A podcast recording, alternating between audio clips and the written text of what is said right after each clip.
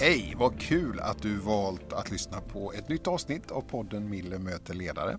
Och Miller, ja det kanske du vet vid det här laget, det är jag, Andreas Miller, ordförande för Ledarna, Sveriges chefsorganisation. Ledarna är kontinuerligt i dialog med chefer för att förstå deras arbetssituation och för att erbjuda det mest relevanta utbudet till våra drygt 95 000 chefer. Om du vill veta mer om vårt utbud, gå in på ledarna.se. Dagens poddgäst som sitter mitt emot mig här och nu leder en verksamhet som tyvärr växer och blir allt mer efterfrågad och som samtidigt har som mål att vända ett destruktivt beteende till ett konstruktivt beteende. Välkommen till podden Jacques Moepo, anstaltschef på Kumlaanstalten. Tack. Hur mår du idag? Mycket bra. Du kommer från en ganska hektisk dag. Ja, stämmer. Ja, du har varit på en ledarskapsdag. Ja, jag har precis föreläst om uh, att leda Kumlaanstalten i kris. Jag hade bara mycket bra sällskap som var lite imponerande. Uh, både Stefan Löfven var med, uh, legenden Jan Karlsson var med, men även den unga talang, ska säga, talangfulla eh, Vanderpool, Nils Vanderpool var också bland föreläsarna. Så jag tycker det var en ära att få vara med mm. i det sällskapet. Mm. Du pratar om Kumla och kris. Vad, vad, tänker du om det faktum att fängelserna är överfulla och att allt fler döms till fängelse? Ja, det är väldigt tråkigt. Det är inte den eh, utvecklingen som eh, vi skulle vilja ha i ett samhälle, att eh, flera begår brott. Men eh, vi är däremot glada att fler som begår brott eh, lagförs. Så vi måste hantera frågan. Eh, problemet är inte att, eh, att de eh, har lagförs. Eh, det är bra att de, de, de, de, ska vara det de ska vara eh, efter att vi har begått brott. Men eh, det som kommer av den situationen är väl lite tufft för att vi måste lösa pla platssituationen. Mm. Mm. Ja, ni kör, man ligger nästan dubbelt i cellerna nu. Ja, vi har 20 procent av intagna eh, på våra anläggningar, eh, i alla fall på Kumlaanstalten, eh, är dubbelbelagda. Mm. Mm. Är två du, i cellen. Mm. Jacques, vi ska prata mycket om det här. Vi ska prata om ledarskapets betydelse när man ska bygga tillit, öka mångfalden och mm. få människor att välja att bryta ett destruktivt liv. Mm. Men innan vi gör det så ska lyssnarna få veta lite mer om dig. Jacques Mouepo är anstaltschefen i Kumla som tog lyssnarna i Sommar i P1 med storm med sin gripande berättelse om hur han kom till Sverige som flykting från Kongo. Hans karriär har via FN, utlandstjänstgöring och olika chefsroller inom kriminalvården tagit honom till uppdraget som chef för Sveriges största anstalt. Han har målmedvetet arbetat för att skapa mångfald inom kriminalvården och breddat bilden av vem som kan och vill bli chef i en av landets viktigaste myndigheter. Jacques, du blev ju, skulle man kunna säga, känd över en natt när du gjorde Sommar i P1. Jag läste en recensent som hade lyssnat på det här programmet. Han skrev att med sin ljusa livssyn och tron på människan levererar han ett sommar som inspirerar. Det känns lite extra behövligt just nu. Vad tänkte du när du läste det där? Kul att höra. Det är min reaktion. Eh, samtidigt som formuleringen att jag blev känd av en dag är lite, lite rolig. Och, jag, menar så, jag är och kommer fortsätta att vara myndighetsutövare. Sen att jag dök upp eh, på, på frågan från eh, Sveriges Radio och eh, berättade om mitt liv och eh, mitt eh, yrke. Det var uh, eh, något som jag ser som en positiv och kul sak. Men efter det så är jag åter hemma på och på, eh, bland mina fångar och personal. Eh. Men du, det här, för, för den här recensenten hörde ju en ljus livssyn, tron på människan. Eh, vad bottnar din tro på, i människ på människan? Vad, är det som, vad bottnar den i, att du tror på människan? För utan det så eh, är det inte ens eh, någon idé att jobba med människor som jag gör, som jag har gjort i snart 25 år. Eh, under de här 25 åren så har jag sett eh, vad som händer när vi verkligen gör det vi menar, eh, nämligen att vi jobbar för förändring. Det har jag sett. Jag har med facit i handen. Det, det är så här. Förändringarna sker eh, på olika i olika faser men också eh, under olika tider eh, när man utövar det. Men, men, när man jobbar med människor så eh, får man lita. Det är det som är grundläggande Eh, motivationen hos oss själva som, som ledare, hos oss själva som, som terapeut eller behandlare tror du inte på människans eh, förmåga till förändring så är det inte ens idé att börja. För det är det som är eh, människan som du jobbar med ser det också i dina ögon. Om du verkligen vill skapa allians och en positiv relation som leder till tillit för att kunna genomföra insatserna jag har eh, nämligen inte bara i mina första år inom kriminalvården så har jag både jobbat inne med, med, med, med så, som vårdare men har också varit det som vi kallar det då för lekmanövervakare. Att jag har haft hand om eh, unga killar eh, som hade hamnat i strid med, med lagen, eh, varit eh, dömda till frivårdsinsatser, eh, till frivårdspåföljd eller eh, har frigivits och var under frivårds Eh, Eh, uppföljning. Genom att jobba med dem så har jag sett också att jag har kunnat förändra. Så jag, både inifrån men utifrån har jag kunnat de som jag eh, satsade på och jobbade med, eh, det gick bra för dem. Mm. Så det, det, det, finns, det finns liksom en grundläggande tro på dig, på människan ja, i dig. Och ja. sen så har du också sett tydliga resultat av att människor kan förändra sitt liv. Det stämmer. Ja. Så jag har både empiri och teori. du, eh, du har en jättefin uniform på dig, kriminalvården, så här när du sitter mitt emot mig. Och så gick vi igenom flaggorna. Du har ett revär här med lite olika flaggor. En av de flaggorna är Kongo. Där du har varit i tjänst och jobbat.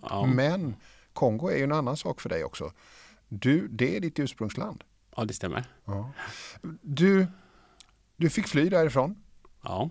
Vad var orsaken till att du flydde? Att jag ansågs vara en av agitatörerna på, mot diktaturen på, på, på universitet, på campus där jag levde för 32 år sedan. Eh, det var så här den tiden, att med diktaturerna för att eh, tysta ner några som skulle vara eh, farliga för ens makt. Och så där. Eh, då kunde man ta till våld, så, till statens våldsmonopol i Kongo, vilket innebär att miliser kunde bara dyka upp var än du befinner dig. ta, se att du försvinner på ett annat sätt. det var lite för farligt för att stanna där. Jag hade tur. Några har dött, några har eh, fängslat. Jag hade tur att hamna eh, tittar jag bakåt så här, så här många år efter, tre decennier, decennier efter, så kan jag realisera att, eh, att man har haft tur. Eh, inte bara att fly därifrån, men också att eh, flytta till ett land som hjälpt mig att bygga min familj och hitta en, ett, också ett yrke i, och vara med och påverka samhället. Du kommer ju till Sverige då. Mm. Vad är ditt första intryck av det här landet? Ensamt, vilket, Ensamt? Vilket jag var då när jag dök upp. Ja. Kallt. Jag, jag inser faktiskt, igår när jag satt och skrev under några eh, papper, en, som, eh, några avtal som, som min handläggare tog till mig, så där, eh, personalhandläggare, så realiserade jag att det var en 14 eh, november mm. genom att skriva eh, datumet. Det var igår. Ja. Det kom tanken. Jag faktiskt, jag faktiskt, oh, 14 november var det. 14 november, men det, det här datumet säger mig något. Då insåg jag att det var dagen jag kom för 32 år sedan till Sverige. Oh. Det var, var igår, eh, 14 november. Eh, Men då... flytta oss tillbaks dit då, 32 år. Va, ja. va, va, va landar du någonstans? Men då landade jag i Hallstahammar, en liten kommun utanför Västerås, en, en mil ja. utanför Västerås. Och det, var, det var kallt. Det var, eh, vintrarna såg inte ut som de gör idag. Det var väldigt eh, kallt då och, och vitt, man säger så. Eh, och mörkt när det var, när, när, efter klockan tre eller fyra. Så hamnade jag i den där lilla kommunen och tillbringade det mesta av min tid i en telefonkiosk med massa mynt i en påse. Va? Mm. att kunna nå eh, familjen hem. Du ringde och, hem? Jag ringde. Det var den tiden då man betalade 20 mm. kronor för att uh, prata en minut. Så då var det lite tufft. Så din fråga är väl att ja, jag tänkte vad har jag uh, gjort. Nu kommer jag hit. Jag kom givetvis som eh, kvotflykting. Det var eh, det landet som snabbt eh, eh sträckte handen eh, till eh, FN då, eh, UNHCR och ville ta emot mig så jag kom hit. Eh, första intrycket var att det var kallt och tyst och ett språk som jag eh, undrade om jag någon gång kommer att eh, lära mig. Nu så hör du här, jag har fortfarande problem med, med både semantik och uttal och så vidare. Men det, Jag det, det, du- jag har gjort en resa ändå, även språkmässigt. Jag tycker du har en fantastiskt fin dialekt måste jag säga. Ja. Men du, du kom hit och du började sakta ta dig in i, i det svenska samhället. Mm. Och, och, du, och sen kommer du in på kriminalvården. Ja, eh, resan var inte så här eh, snabb så. Jag hade då varit i Sverige i åtta år innan jag kom till kriminalvården. Under de här åren så har jag lärt mig svenska, kommit in i samhället, eh, försökt att förstå hur samhället fungerar, eh, varit i olika myndigheter och så vidare. Då eh, gått också, passat på att läsa eh, under den här tiden, eh, fått utbildning från universitet. Eh, Sen kom den här frågan. Något som man kanske tänker på eller föreställer sig är väl att vi som kommer från... När man är ung eller man är fortfarande jätteliten, då brukar vara så här, då frågar man vad ska du bli när, du blir stor? Den frågan får vi som har eh, emigrerat eller immigrerat från andra länder ställa oss igen när du är i Sverige. Jag hade ju jag var klar med, med, med min juristutbildning och så vidare. Då var samma fråga som jag ställde mig när jag var i Hallstahammar. och Sånt. Vad ska jag bli nu när jag är i Sverige? Det var en existentiell fråga som det tog tid att eh, ta en orientering om man säger så. Men du pluggar sen. Ja, Ja. Och, och sen kommer du in i kriminalvården. Ja, sen, eh, jag eh, beslutade mig då. Jag bodde faktiskt med en granne som jobbade på kriminalvården. Han, liksom jag, jobbade eh, tidigare. Jag minns inte. Han hade också jobbat tidigare som ordningsvakt om jag minns väl. Vad var det som gjorde honom? Vad, gjorde, vad var det som gjorde att han ledde in dig till Ja, men, kriminalvården? pff, eh, jag ställde frågor om vad han jobbade med, vad Mm. han var och så vidare. Så berättade han. Men jag sa okej, nu försöker jag hitta jobb. Då sökte jag det han jobbade, va? sökte ett antal gånger men jag kom aldrig eh, till intervju. Men jag hade beslutat mig. Oftast så brukar jag få det jag vill när jag verkligen engagerar mig i frågan och vill eh, kraftsamla kring och försöka hitta alla resurser. Då kommer jag till Hällbyanstalten utanför Eskilstuna. Eh, och där så eh, en eh, kvinna som jag är mycket vän med fortfarande, Annika Alstrand, som idag är eh, tror jag 75 år och, och bor i eh, fint i Nynäshamn som jag träffar då och då. Hon eh, såg min potential och eh, Vad betyder hon för dig?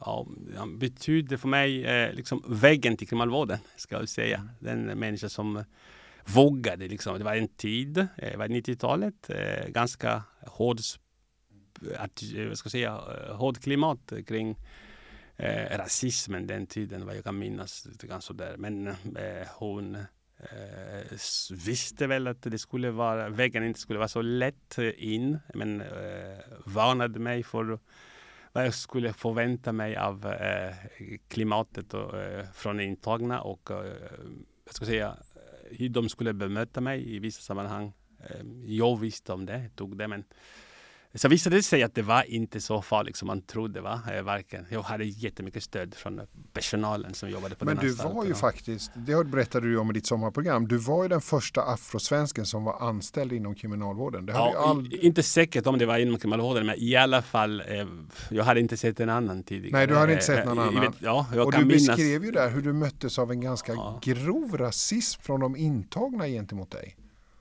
Mm, det var, jag menar så, vad var synligt på mig som, som kriminalvården som anställd, det var att jag var svart. och, eh, det var det, och de vet exakt vad man kan, vad man kan, man ska kränka med. Eh, på mina svenska eh, kollegor så var det annat eh, som var påhittat eller så vidare. För mig, jag var svart och man vet vad man säger till en svart man om man ska eh, kränka eh, honom eller eh, svart, kvinna för att kränka henne. Det var eh, intagna vet och så vidare. Nu minns jag faktiskt att det fa- vi anställdes nästan samtidigt med en annan kille som hette Mohammed. Va? Men han var på på Mariefreds anstalt och jag var på Hällby. Och under den tiden så var det en kriminalvårdschef som jobbade eh, som var chef för bägge anstalterna, Christer Karlsson. Och det var den här mannen också som såg att jag blev chef. Så eh, Eh, hur ledaren, hur chefen ser på saken, vilken, eh, vad ska jag säga, eh, person, kompetensförsörjnings eh, eller personalförsörjningsstrategi som en chef eh, väljer. I det här fallet eh, handlingsplan för etnisk mångfald i kriminalvården hade betydelse. Så, då var det det som gjorde kanske att jag idag sitter här och eh, verkar ha något intressant för dina lyssnare. Mm. Absolut, men du, är det, är den här Christer som liksom hintar till dig att du borde bli chef? Ja. Eller börjar du tänka på det själv? Eller Nej, hur? det måste jag faktiskt. Eh, med åren så har jag nu upptäckt att har det gått så här bra eh, med mina olika chefsuppdrag så betyder det något. Då måste jag själv kunna tro på att jag ändå är en, en, ledare, en ledare som kan leverera. Va? Men annars så, eh, jag såg inte mig som, eh, för det första så är det, det behövs viss grad av eh, uppmuntran för att jag ska ens förstå när jag var nybörjare att, att jag var en som kan vara, kan vara myndighetsutövare i Sverige. Eh, men att från det att tro att jag kan också leda personalen i Sverige och, och, och verksamheten, det var väl, eh, det behövde det behövde man ha en som såg en, en som identifierade ledaregenskaper hos mig. Jag gjorde det jag var sagt, tillsagt att göra, gjorde det som mina löste mina uppgifter med med intresse, med engagemang, med äkta engagemang för intagna men också för, för uh, de uh, vardagliga uppgifter som vi som kriminalvården löste. Va? Men sen såg han den där ledaregenskaperna och ringde på mig och sa vi måste träffas. Mm. Så pratade vi om det. Mm. Vad tror du det var, var det han såg? Ja, jag tror att eh, såg eller bli beredd eh, eller, eller har eh, fått berättat att jag var modig. jag var tydlig i, det jag gjorde med, med, med, med intagna. Jag var eh, koherent med intagna. Det som jag har sagt tidigare gäller, kommer att, eh, kommer att gälla, eh, eh, var också rättvis och så vidare. Men så, folk såg upp till mig. Jag har den här eh, anekdoten som jag brukar berätta att intagna, när jag kom så pratade de illa om mig. Eh, det är till och med vissa stunder undrade jag om jag skulle komma till Urka. Va? När jag kunde, när vi sitter eh, i anstaltssammanhang på avdelningen eller paviljong som det heter för det mesta, så sitter man i, i, i, i eh, någon form av reception och tar emot intagnas äskande. Kan komma och säga, jag vill ringa pappa eller mamma, jag vill hem, få en penna att skriva brev, jag vill ha service liksom. När det var jag som satt där så backade de och gick, tittade snett på mig och gick. Va? Eh, för att jag var inte värdig att eh, servera dem eller leverera den där service. Mm. Det tog ibland, men eh, jag visste väl att de, inte, de är här av en anledning. Det är inte de som är, eh, fungerar optimalt i samhället. Eh, det, så tog det tid, så insåg de att jag ville väl. Va? Tittar man i mina ögon att jag var sympatisk och Eh, Eh, men så småningom så blev, kommer jag att kallas för att vi hade civila kläder då. Jag klädde mig fint och hade en portfölj. Jag var den enda som hade mina papper i en portfölj. Precis som den här jag bar in idag. Då brukar jag kallas för eh, superplitten, brukar de säga sinsemellan. Eh, och de tyckte att jag laddade mig i allt på avdelningen och beslutade på det mesta. Så att man, de kom snarare, vände sig till mig och sa så här. Ja, det är någon som inte hörde, eh, som inte visste att jag hörde vad han sa. Då säger han till honom, ja men det är lika bra att prata med han, den där eh, eh portföljmannen, han med kavajen. Det är ändå han som beslutar. Börja ta det med honom. Ja, då sa en annan intagen, ja han, har sin, han har sin stora näsa överallt. Då sa jag, ja det har ju du begripit, du har förstått rätt. Jag kommer att lägga mig i allt som eh, angår avdelningen. Eh, för att han har sagt eh, sin stora näsa som en form av tillmälen som jag inte skulle höra. Men jag bekräftade, ja det stämmer. Min näsa är så pass anpassad för att kunna läggas eh, i Men hur är, det där, hur är det där om du tänker, nu är du anstaltschef. Du är ja. chef för hela Kumlaanstalten. Hur många anställda är ni? Eh, över 500, just nu 570 om vi inkluderar eh, alla vikarier. Mm. Men du, då kan man väl inte som anstaltschef kan man inte lägga sig i allt. Då går det inte va? Ja, men jag var på avdelningen, jag var på prestationsnivå. Ja, jag förstår det. Jag men, nu, eh, men däremot så, eh, man ska inte underskatta, eh, men alltså, eh, inte att jag går på avdelningen för att kunna ha lite eh, känna temperaturen, stödja mm. medarbetare, mm. träffa eh, eh, cheferna på, på specifika, på, på ska jag säga, operativt arbete och så vidare. Jag vill eh, visa mig. Jag är ändå, min stationeringsplats är på anstalten, eh, på, på kommunanstalten. Mm. Eh, jag kan inte sitta på kontoret bara sådär. Så jag, jag eh, går eh, så långt, så mycket jag kan, eller när tiden ges verkligen.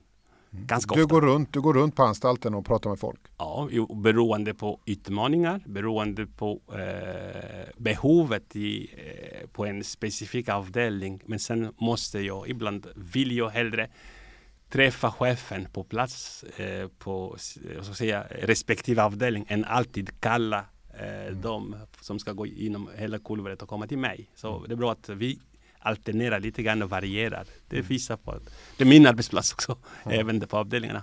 Det här är, man kan säga att ni jobbar ju liksom med liksom en samhällsfråga som är på alla släppar och har varit i den här valrörelsen och Mhm. som är också i samhällsdebatten. Och det handlar ju om alla de här unga killarna som Mm. hamnar i gängkriminalitet och narkotikahandel och, och, och, och vad, vad tänker du, eller när du ser den här gängkriminaliteten, vad får den för konsekvenser på din arbetsplats på anstalten? Vad märker ni av det där? Hur, Ja. hur märker ni av det? Det innebär mer konflikter intagna emellan. För det är de här rival- ri- rivaliserande grupperingarna som eh, har fightat, som har bråkat, i, skjutit på varandra i, i våra förorter, som hamnar hos oss. Då är de inte eh, så trygga själva när de kommer dit. Var och en passar eh, sig, eh, vet att eh, det kan innebära, man kan träffa. Jag träffade faktiskt en, eh, ta ett konkret exempel. Och vis- jag var i Stockholm för inte länge sedan. Sen tog jag tåg på väg eh, till Västerås och på centralstationen träffade jag en eh, klient, en intagen som har suttit hos mig som hade eh, som var på en annan öppenanstalt, utan att precisera. Eh, Men eh, var på en öppenanstalt, i alla fall i, i norra Sverige. Så skulle jag bara mellanlanda i Stockholm och åka till Örebro. Eh, eh, Jag märkte att han tittade på mig. Eh, Jag log. Eh, eh, Han kom eh, närmare. Eh, I och med att jag har haft hans pappa eh, i flera år på olika anstalter på anst eh, hos mig när jag var chef. Och, Så hans eh, pappa har också varit intern? Ja, Ja. han har varit eh, intagen hos oss Mm. flera gånger. Eh, nu är han i min ålder, eh, vilket jag hoppas att ålder har hjälpt till att eh, göra honom mindre brottsbenägen. Men det som eh, hände var väl att vi började prata. Jag ser, ja, jag, så, vi, han vet vem jag var, men han var på, på Kumla. vet. Så han eh, tittar på mig, så, så när vi går, jag såg ganska taktiskt att när vi väl går på på tåget så kanske han vill sitta med mig. det gjorde han. Eh, Det var, jag, jag, utan att fråga honom så eh, gjorde jag så att vi kan hamna bredvid varandra. Jag bara, alltså, men det är okej att sitta med mig. Vi satt där och började konversera. Jag såg att han var lite orolig. Jag frågade honom, eh, vad är det för som jag... Vad, kan du berätta för mig när du är ute hur, vad, hur, hur du upplevde oss på anstalten? Han sa ja, eh, personal är inga problem. Jag hade så trygghet med personal och så vidare. Men nu är det så lätt att träffa fiender på anstalten. Det var inte så här förut. Ni har inte platser. Ni kan inte eh, leda så att ni kan skydda oss från varandra. Det var det den, eh, det, det gick hem. Jag vet det. Han sa det var, och nu är jag så orolig. Förut så kunde man under perioden man var på anstalten och för att få vara i lugn och ro och ta lite mot insatser. Så att när vi gick ut, det kanske det, det börjar eh, med stress. Nu har jag varit eh, på anstalten länge. Eh, det var hela tiden att passa sig, att skydda sig eh, mot, mot eh, mina fiender, som han kallade dem för. Nu så sitter jag på tåget här, är ännu eh, nervös. Jag vet inte vad jag ska ta med i vägen. Jag tyckte, ja, det är där vi kanske måste jobba. Då pratade jag med honom om frivården. Jag visste vem hans handläggare i Örebro är. Vi skulle hålla kontakt och så vidare. Men det säger en hel del. Då sa han att vi kan inte längre gå undan på anstalten. Det är så att eh, vi vill gärna att eh, personalen hade koll på finns ingen oss. skyddad zon? Liksom. Nej, för det, det är väldigt många intagna eh, Mm. och eh, de här yngre kommer in eh, har tagit med sig de här konflikterna och så vidare. Och intagna säger vi kan inte längre eh, hålla oss undan och få leva i lugn och ro på grund av att det är så många. Det är, det är lätt att träffa dem. Det är den verkligheten, den här anekdoten, den här berättelsen bekräftar det vi ser. Och att eh, svårare för oss också att eh, bryta de här konstellationerna, eh, splittra dem, i och med att vi måste hitta en, en- en plats att skicka dem. Men vi, då gäller det för oss, det är det som vi lever på, att jobba med det vi kallar i vår jargong för eh, dynamiska säkerhet. Vara så nära intagna, försöka. Vi har problem med otillåten påverkan. Eh, mm. det, det, är en av eh, ett element i, i det, ska säga, eh, komponent utifrån din fråga. Jag vet att det blir mycket otillåten påverkan mot intagna så att de inte deltar i, i behandlingsinsatser. Eh, de här gängledarna kan liksom hindra dem. hindra dem. Men också eh, mot oss så att vi ska, mm. Mm. då gäller det verkligen att vara eh, på avdelningarna och se till att eh, vara skapa en vardag som är eh, behandlingsfrämjande men framförallt stödjande miljö. Det är mm. det som vi kämpar med mm. nu. Du, du beskriver ju här en situation som också, tänker jag, är väldigt utmanande för chefer på olika nivåer inom mm. kriminalvården. Mm. Och vi har ju ledarna inom kriminalvården, en stor grupp medarbetare som jobbar hos dig och som är chefer ja, ja. och som, som är med i ledarna och som ja. jobbar inom kriminalvården. Hur, har många duktiga produktionsledare på våra verkstäder. Så ja. På Kumla står de för 30 eh, miljoner i intäkter. Alltså det är många av dem, dina medlemmar, man ska säga, ja. har vi väldigt bra eh, dialog med också i, i, i mm. fackliga sammanhang. För jag tänker så här att de står ju mitt i det här med den här gängkriminaliteten ja. och ska vara produktionsledare och produktionschefer och så. Vad, vad tänker du, vad är det viktigaste att ge dem för redskap för att kunna hantera den här situationen? Vi har en omfattande övningsverksamhet. Vi har utbildningen som är också konsekvent och som mm. eh, adresserar de här frågorna. Men vi har framförallt en tydlig, det behövs en tydlig ledarskap, tydliga chefer som är stödjande, som är coachande, som är närvarande. Eh, men också eh, en sammanhållning inom gruppen för att stödja varandra eh, med skapa bra arbetsmiljö som vi har lärt oss numera. Eh, bland många av mina medarbetare vi pratar om att vi är varandras arbetsmiljö. Ni jobbar ju då för att de här internerna, de här fångarna ska komma ut och vara välfungerande medborgare. Stämmer. Mm. Ledarna har ju chefer i alla samhällssektorer. Vi är över 95 000 chefer. Mm. Eh, jag har träffat Evin Settin som är författare och advokat och som har skrivit en bok om Mitt ibland oss som handlar om de här killarna som mm. hamnar hos dig. Ja. Eh, och, så. och hon säger sådär, hon riktar sig mycket till chefer och ledare mm. utanför i det civila livet. Att, mycket bra. Att vi måste ta ansvar, att vi måste våga ge de här killarna en andra chans.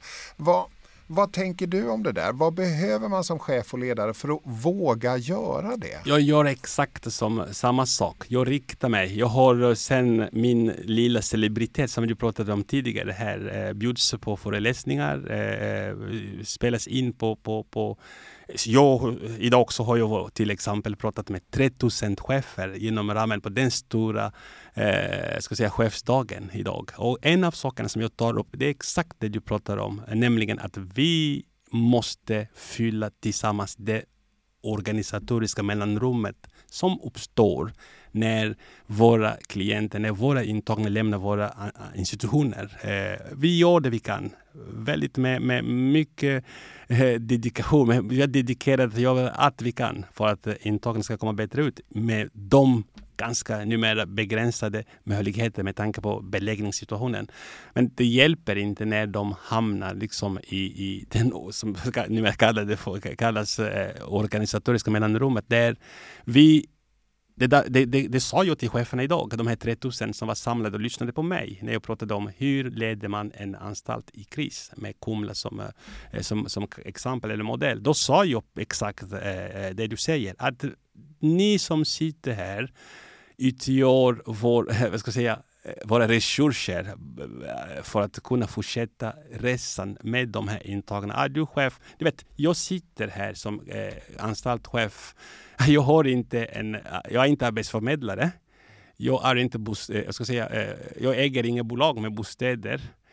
Eh, jag kan, inte, eh, jag, jag, kan inte besluta om försörjningsmöjligheter för den intagne när han har kommit ut och så vidare. Det finns sådana här parametrar som kan, det såg jag när jag var lekmannaövervakare att de hamnar i ensamheten någonstans.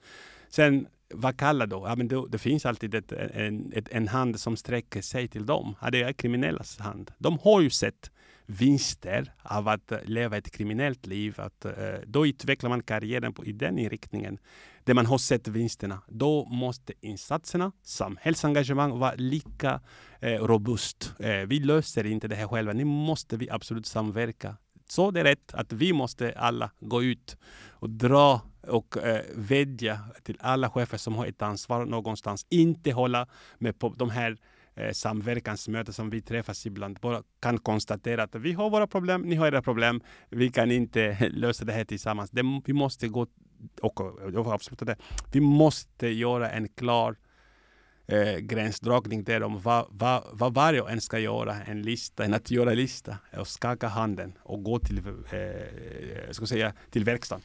Men du, då, då möter jag chefer som säger, men jag Ska jag ta in någon då som finns på belastningsregistret som har varit kriminell och som har gjort det här och det här. Hur ska jag hur ska jag kunna lita på den personen? Hur ska jag kunna våga det? Ska jag släppa in den här personen i den här verksamheten? vad, vad svarar du då när de säger så? Ja, det är en, en, en eh, riktigt viktig existentiell fråga med hänsyn till lagstiftningen och så vidare. Eh, men det finns ju alternativ. Ett, sätt att, ett annat sätt att göra det är väl att det finns lite eh, skulle jag anställa en person som har varit eh, i den situationen eh, och eh, någon måste våga. Någon, det krävs att någon, eh, några eldsjälar. Att säga, då kan du börja med en praktik. Eh, man kan säga ja, med tanke på hur det ligger till med din situation så kan du gå igenom någon form av training för att kunna öka vad jag kallar för tillitvärdlighet. Mm. Eh, när man har sett att den här, han är värd eh, tillit genom att eh, börja någonstans, eh, samla, kraftsamla kring den här personen och hitta alternativ inom ramen för det man kan göra själv. Eh, annars så någonstans, det kan vara en praktik någonstans där i så fall eh, an, en annan myndighet som kommer att kunna försäkra, som kommer att säga att nej, men det, det är värt, de, när de kommer ut så att de knutna till frivården. Vi har haft eh, olika former av eh, samarbete med, med andra myndigheter. Krami är en sådan. när vi har vi försöker att aktivera dem, sysselsätta dem eh, med socialtjänsten, med, med, med oss själva, Arbetsförmedlingen och sådär. Vi måste då hitta Eh, det måste vara möjligt att hitta alternativ. Det, jag menar inte att han ska komma från eh, Kumlaanstalten och bli, liksom, eh, eh, komma till er här och jobba med, med, med, med frågor som är knutna till eh, lagstiftning, eh, saker som han inte kan göra med tanke på den belastningen och så vidare. Men vi kan hitta alternativ och se till att eh, han, hon börjar någonstans och ökar gradvis med, med vårt, vårt stöd. Så du riktar dig till Sveriges chefer och säger ni måste vara mer modiga och ge folk en andra chans? Absolut. Mm. Moepo, otroligt roligt att ha dig här i podden. Tack vara Tack.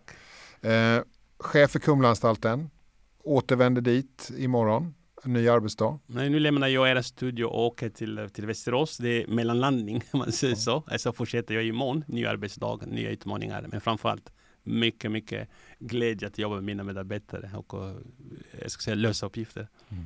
Tack för att du kom. Tack för att jag fick komma. Och du som lyssnare, du vet att eh, det här avsnittet kom där poddar finns och det kommer komma ett avsnitt snart efter det här. Tack för att du lyssnade.